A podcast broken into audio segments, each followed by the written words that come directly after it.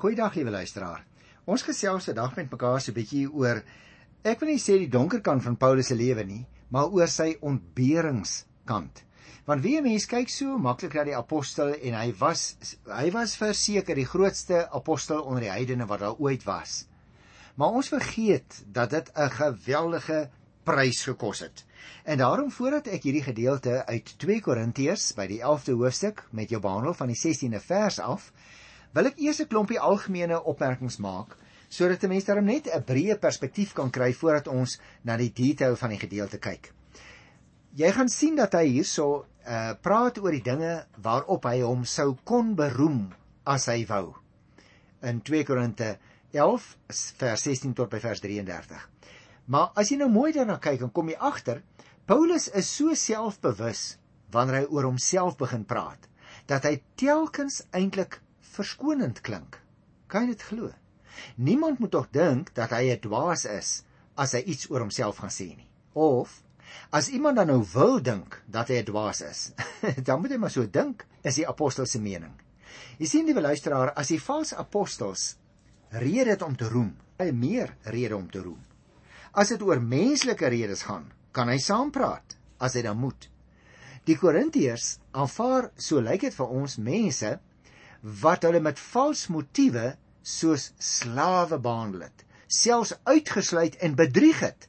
Ja, in die gesig gevat het en hulle uit die hoogte behandel het. Nou sê die apostel eintlik op 'n baie sarkastiese manier dat ek te swak is om sulke dinge aan mense te doen. Wat hy eintlik bedoel natuurlik is dat hy as hy sou wou dieselfde kon doen, maar hy het nie.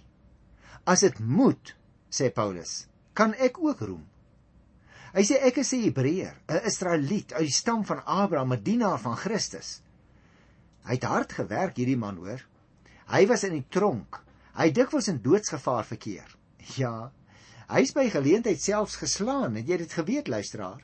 Deur die Jode het hy byvoorbeeld 5 maal die amptelike straf van 39 houe ontvang. Een hou minder as die gebruikelike 40 houe. 3 maal het Paulus ook lyfstraf gekry en 1 maal is hy met klippe gegooi.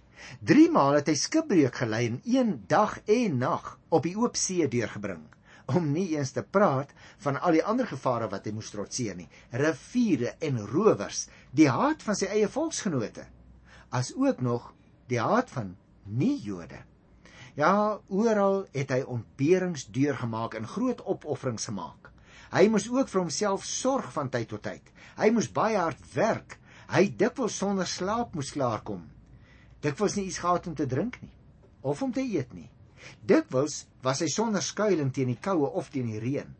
Intussen het die bekommernis oor die gemeentes se geestelike welstand natuurlik aan Paulus gevreet.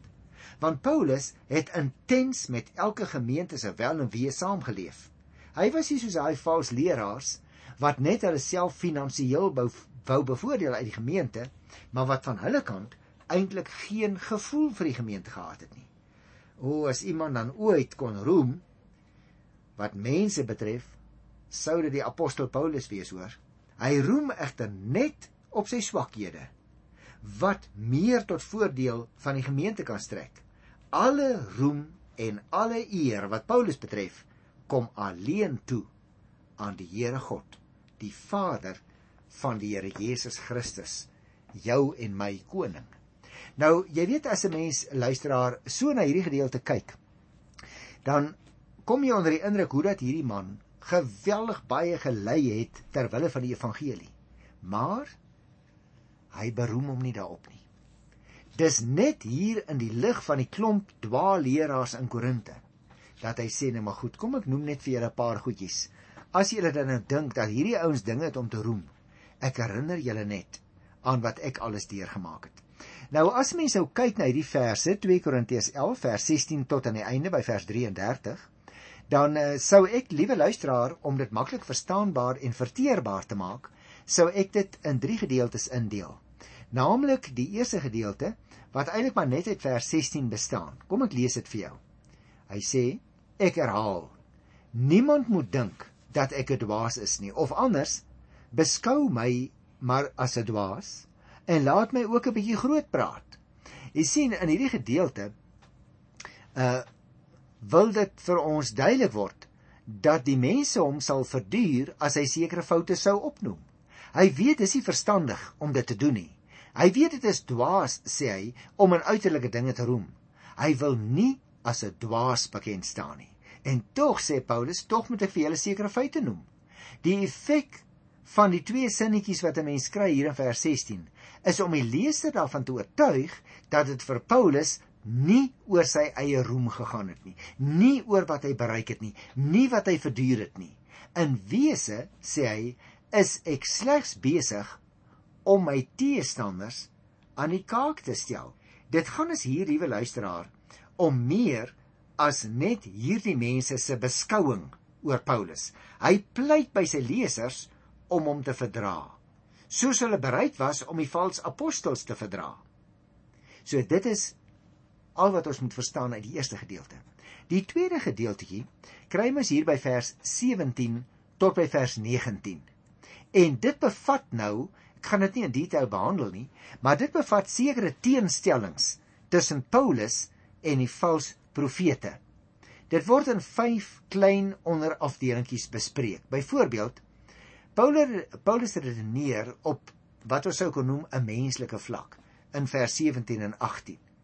Nou, aangesien ander op uiterlike dinge genoem het, geroem het, verplig dit hom ook om bepaalde uiterlike feite uit sy lewe te noem wat vir sommige nou mag lyk asof hy homself by hulle wil aanbeveel en homself na vore wil stoot. Kom ons lees 'n stukkie daarvan hierso by vers 17 uh, eh, tot by 20. Ek gaan eers net vers 17 lees. Wat ek nou sê, kom nie van die Here nie.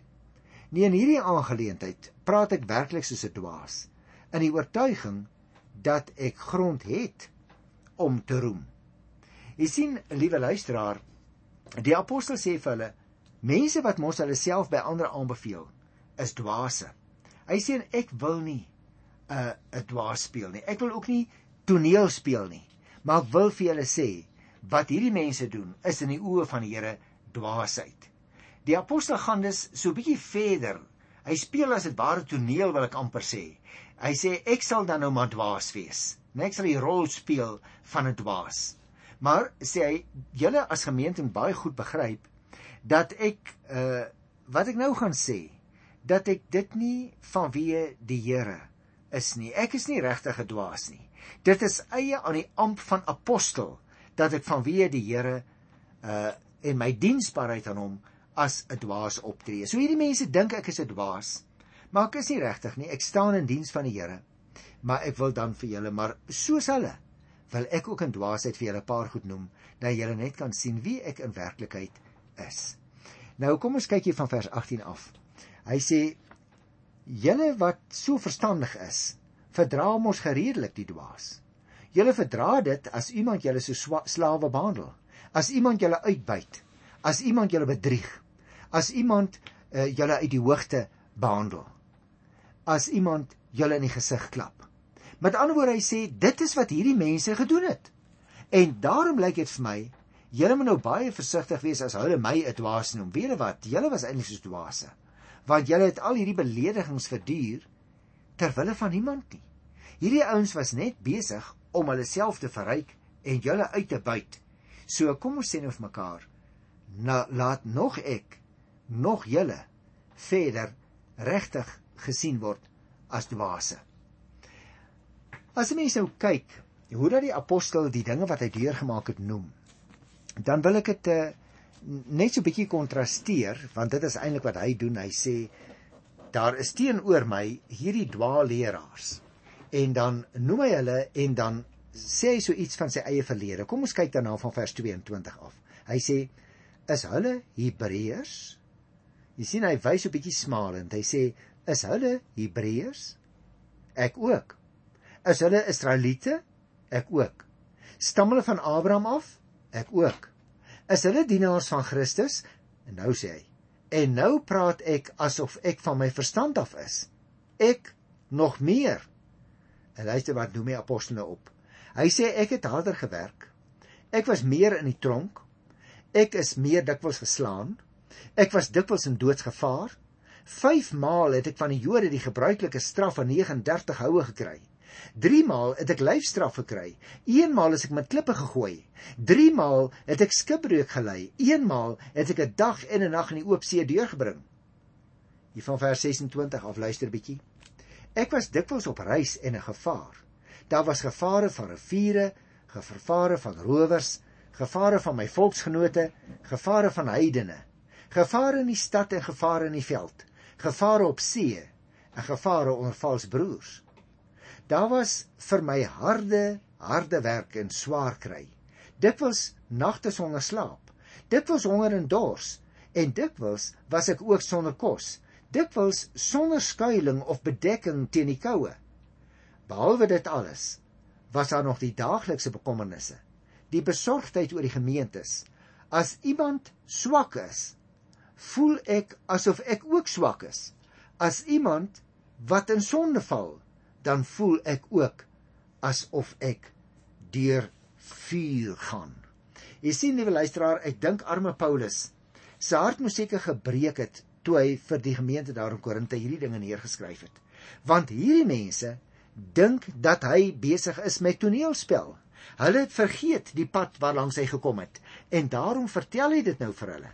Hy sê kom ek vertel vir julle so 'n bietjie die ander kant van my lewe wat julle regtig niks van weet nie. Dinge wat julle vreeslik hoog aanslaan as julle daarvan hoor by die dwaalleraars wat hulle self betref wat hulle nou kon sê so swaar kry terwyl julle hulle al die tyd 'n salaris betaal. Hy sê maar kom ek vertel julle iets van my eie verlede. Jy sien, luisteraar, wanneer die vergelyking wat hier getref word, verder deurgetrek word en die lojaliteit aan Christus in berekening gebring word, dan oortref Paulus die teestanders verreweg. Voorheen het die apostel hulle aangedui as dienaars van die Satan. Maar dit ook gesê dat hulle wel dienaars van Christus is. Maar nou sê hy vir sy lesers: Hoe dink julle? Hoe vergelyk ons nou?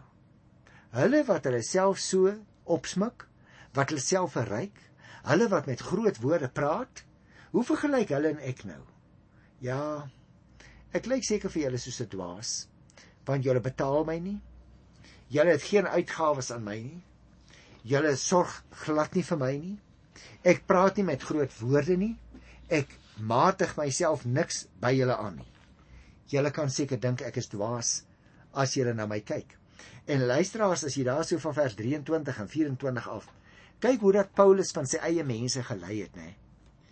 Hy stel byvoorbeeld sy aandeel wat hy as apostel ontvang het van die Jode. Dat hy 5 maal hulle offisieel by die sinagoges uh moes konfronteer en daardie 5 keer die uiterste straf van geeseling hom opgelê is tussen hakies as jy gaan kyk by Deuteronomium 25 vers 3 dan is daar in die Ou Testament lank van voor daardie tyd al bepaal dat aan 'n skuldige 40 slaa met 'n sweep toegedien kon word maar nie meer nie en nou sê Paulus ten einde hierdie bepaling nie te oortree nie het die rabbyne die getal op 39 vasgestel en by watter geleenthede dan was dit wrede sessies 5 keer waar Paulus hierdie soort geweldige en wrede straf moes ondergaan.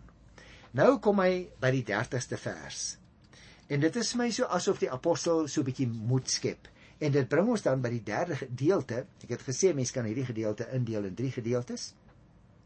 Uh die eerste een was net vers 16, die uh tweede een was daarvan vers 17 af en dit het dan deurgeloop tot by vers 29. En dit bring ons by vers 30 wat die derde gedeelte is. Kom ek uh lees vir jou daarvan so 'n klein gedeelte. Hy sê is 2 Korintiërs soos dit 11 die van julle wat Bybels voor julle het vers 30. As daar dan geroem moet word, sal ek roem. Maar dan oor my swakhede. Die God en Vader van ons Here Jesus Christus weet dat ek nie lieg nie. Aan hom kom die lof toe tot in ewigheid. Toe ek in Damaskus was, het die verteenwoordiger van koning Aretas die stad swaar bewaak om my te vang. Maar deur 'n venster in die muur is ek in 'n mandjie laat afsak en het ek sy hande ontkom. Jy sien hierdie man moes dus letterlik vir sy lewe vlug. Ook nie net aan die hand van die Jode nie, maar ook aan die hand van ander mense wat die Here Jesus nie aanvaar nie.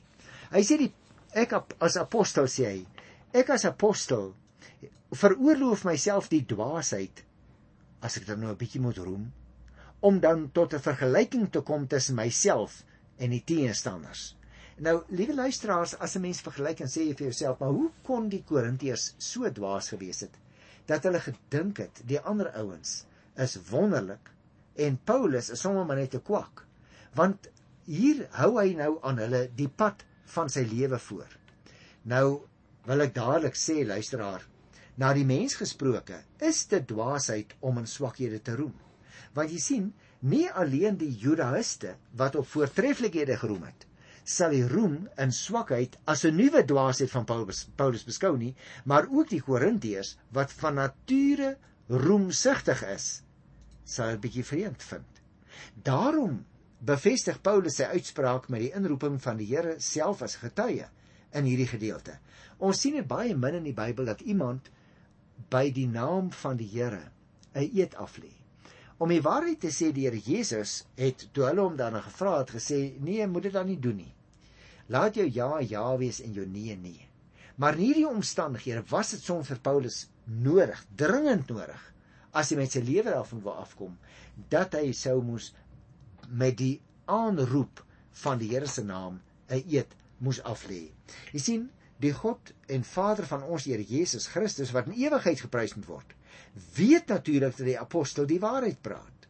Vir hom kan die Here verantwoording doen. Daarom moet die gemeente ook aanneem dat hy wanneer hy in sy swakhede roem, dat hy dan nie besig is om toneel toneel te speel nie. Nee, dan is dit 'n egte eer en 'n roem in die Here. En dit luisteraars bring ons dan eintlik hierso by vers 30 van 2 Korintiërs hoofstuk 11 by wat sal ek dit noem 'n belangrike gedeelte waarmee hy afgesluit het. Hy sê in vers 32 toe ek in Damaskus kom, het die verteenwoordiger van koning Aretas die stad daar bewaak om my te vang. Daar kan geen twyfel wees by my en by jou nie, liewe luisteraar. Hierdie man het 'n geweldige stryd gehad. Nie net aan die hand van sy eie mense nie, nie net aan die hand van die Romeine nie, maar ook aan die hand van die owerste toe hy uiteindelik daarso in Damaskus aangekom het. Maar vir Paulus was dit nie dinge wat hy aan ander mense voorgehou het en waarop hy wou roem. Hy wou niks daaruit kry nie. Hy sê net in vergelyking met die ander valse leraars, hoorie so het ek nogal het ek nogal 'n CV hoor as jy dan nou 'n CV wil hoor. Ek wil graag vers 32 spesifiek so 'n oombliekie onderstreep. Toe ek in Damaskus was, het die verteenwoordiger van koning Aretas die stad laat bewaak om my te vang. Nou in hierdie vers en ook in vers 32 lyk dit vir my luisteraar, vertel die apostel van 'n gebeurtenis uit sy lewe. Uh en ons kry dit is nakies daardie gebeurtenis ook in die boek Handelinge. As jy wil naslaan, gaan kyk maar aan Handelinge 9 vers 23 tot 25. Nou kom die vraag by mense op. Met watter doel sou Paulus dit dan hier noem? Hoekom hoekom sou hy dit hou tot nou? Dis vreemd, né? En ek wil dadelik sê dit is nie vir ons heeltemal duidelik nie. Dit kan dalk 'n voorbeeld wees van die gevare in die stad waarna hy vroeër verwys het in vers 26, maar dit lê vir my meer voor die hand dat dit bedoel is as 'n voorbeeld van swakheid waarin Paulus geroem het. Hy sê ek was mos nou nie iemand of iets nie. Ek was nie 'n ryk persoon ek nie blink klere aangetree nie. So ek verstaan eintlik nie hoekom ek hierdie dinge deurgegaan het nie. Maar my lyding het gebeur as gevolg van die optrede van die koning van konings, Aretas. Dis interessant.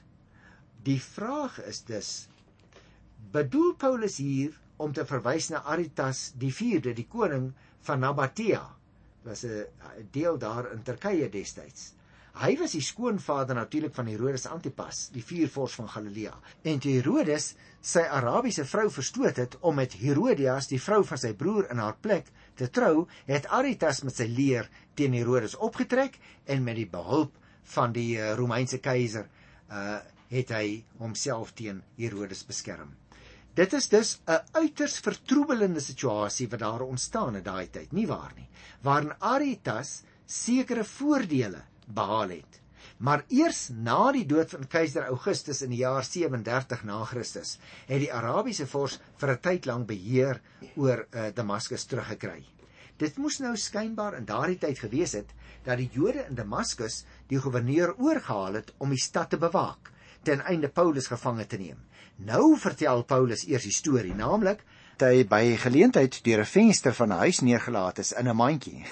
jy dit voorstel? In elk geval luisteraar, ons moet sy vlug waarskynlik plaas tussen die sterfjaar van uh, keiser Tiberius wat gesterf in die jaar 70 na Christus en die sterfjaar natuurlik van Aretas wat in 40 na Christus gesterf het. Kom ons sê dan dit sal die beste wees om dit hier so teen die jaar 37 na Christus te plaas, uh, die gebeurtenis waarna hy verwys. Maar ongelukkig het ons nie meer inligting daaroor nie en daarom wil ek nou ook nie daaroor spekuleer nie. Maar as mense na hierdie soort goed kyk, dan dink jy onwillekeurig aan sekere beelde wat die apostel van tyd tot tyd gebruik het. Byvoorbeeld, uh, hy praat van die woonplek van God, nê, nee, op 'n stadium. Nou, dit is natuurlik die lewe na die dood. En ons moet onthou, luisteraars, dit is dikwels met behulp van beelde uit die nie-Christelike omgewing verduidelik. En daarom moet 'n mens net weet hierdie ou vertel hierdie goed teen die agtergrond van sy uiteindelike bestemming. Hy is op pad na die woonplek van God. Toe kom ek noem jou 'n ander voorbeeld. Die Grieke het byvoorbeeld gesê dat die mense gees dan uiteindelik bevry is van alle fisieke bindings wanneer jy sterwe. Nou sonder om dit te verduidelik op enige plek is Paulus se mening dat daar 'n definitiewe verband is tussen hierdie lewe en die lewe hierna. As hy dus nou ook sy ontberinge vertel, dan vertel hy dit nie as 'n stuk verdienste nie, maar hy sê julle moet onthou al het ek al daardie dinge verduur, uiteindelik sal daardie dinge nie meer dinge wees waaroor ek my hoef te bekommer nie. Die afgestorwene sal uiteindelik 'n geestelike liggaam ontvang. En daarom lieve luisteraar, kan jy gerus maar gaan kyk in daardie gedeeltes wat ons behandel het in hierdie uh boek van 2 Korintiërs. Die derde beeld wat dan voorgekom het, is om by die Here te gaan woon. Nou natuurlik, die Grieke het geglo dat 'n mens in die lewe hierna saam met groot roem en beroemde mense sal verkeer, soos byvoorbeeld Sokrates. Christene het hierdie hele denkwyse oorgeneem en beskou die dood as om by die Here tuis te gaan in die Vaderhuis. Gaan dink nou maar net aan wat die Here Jesus gesê het in Johannes 14, hè. Ek gaan na die Vaderhuis met die baie woonplek. En as ek gegaan of julle plek voorberei, kom ek weer. Sal ek julle oog omhaal sodat julle kan weet waar ek is. Dit is dus teen hierdie hele denke van die Christendom dat die apostel dit wat hy moes deurgaan nie by ander mense aanprys as iets wat hom nou verskriklik wonderlik maak nie. Hy sê man daai goed tel eintlik nie. In die lig van waarheen ek op pad is, is daai goed totaal en al irrelevant. As ek nou dink aan my eie lewe, liewe luisteraar, jy weet ek is 'n dominee, 'n doodgewone dominee, maar 'n dominee kry maklik en dikwels van mense aandag en ons kan maklik gewoond raak. Ons kan maklik, ek wil amper vir jou sê, half verslaaf raak aan daardie aandag. En ek weet nou nie wat is jou situasie nie, ek weet nie wat is jou werk nie. Maar as ons begin roem oor alles wat ons deurgemaak het, oor hoe swaar ons tog gekry het en daarom is ons nou so wonderlik. Liewe luisteraars, dan hou ons ons met wat die apostel noem dwaasheid besig. Ons lewe moenie gestempel word deur dit wat ons deurgemaak het nie. Ons lewe moet eerder gestempel word met dit waarheen ons op pad is. En daarom bly die apostel deurgangs positief. Wat sy omstandighede ook al was, hy het dit alles deurgegaan in die lig van die koms van die Here Jesus, in die lig van die heerlikheid wat wag. En ek het 'n vermoede, net 'n vaal vermoede, as jy en ek ook so lewe, lewe in die lig van sy koms, dan sal ons nie almekaar wil teruggrawe en terugbewys na hoe swaar ons gekry het nie. Nee. Nee, dan verval al daardie goed van gister en eergister. Verval dit soos niks en tot niks in die lig van waarheen ons op pad is. En daarom, liewe luisteraar, wil ek jou op hierdie positiewe noot groet en sê kom ons delf nie almekaar in ons verlede nie, maar kom ons lewe in die lig van God se nuwe toekoms waarin ons eintlik alreeds deel het. Ek groet jou tot volgende keer in sy wonderlike naam. Tot dan, totsiens.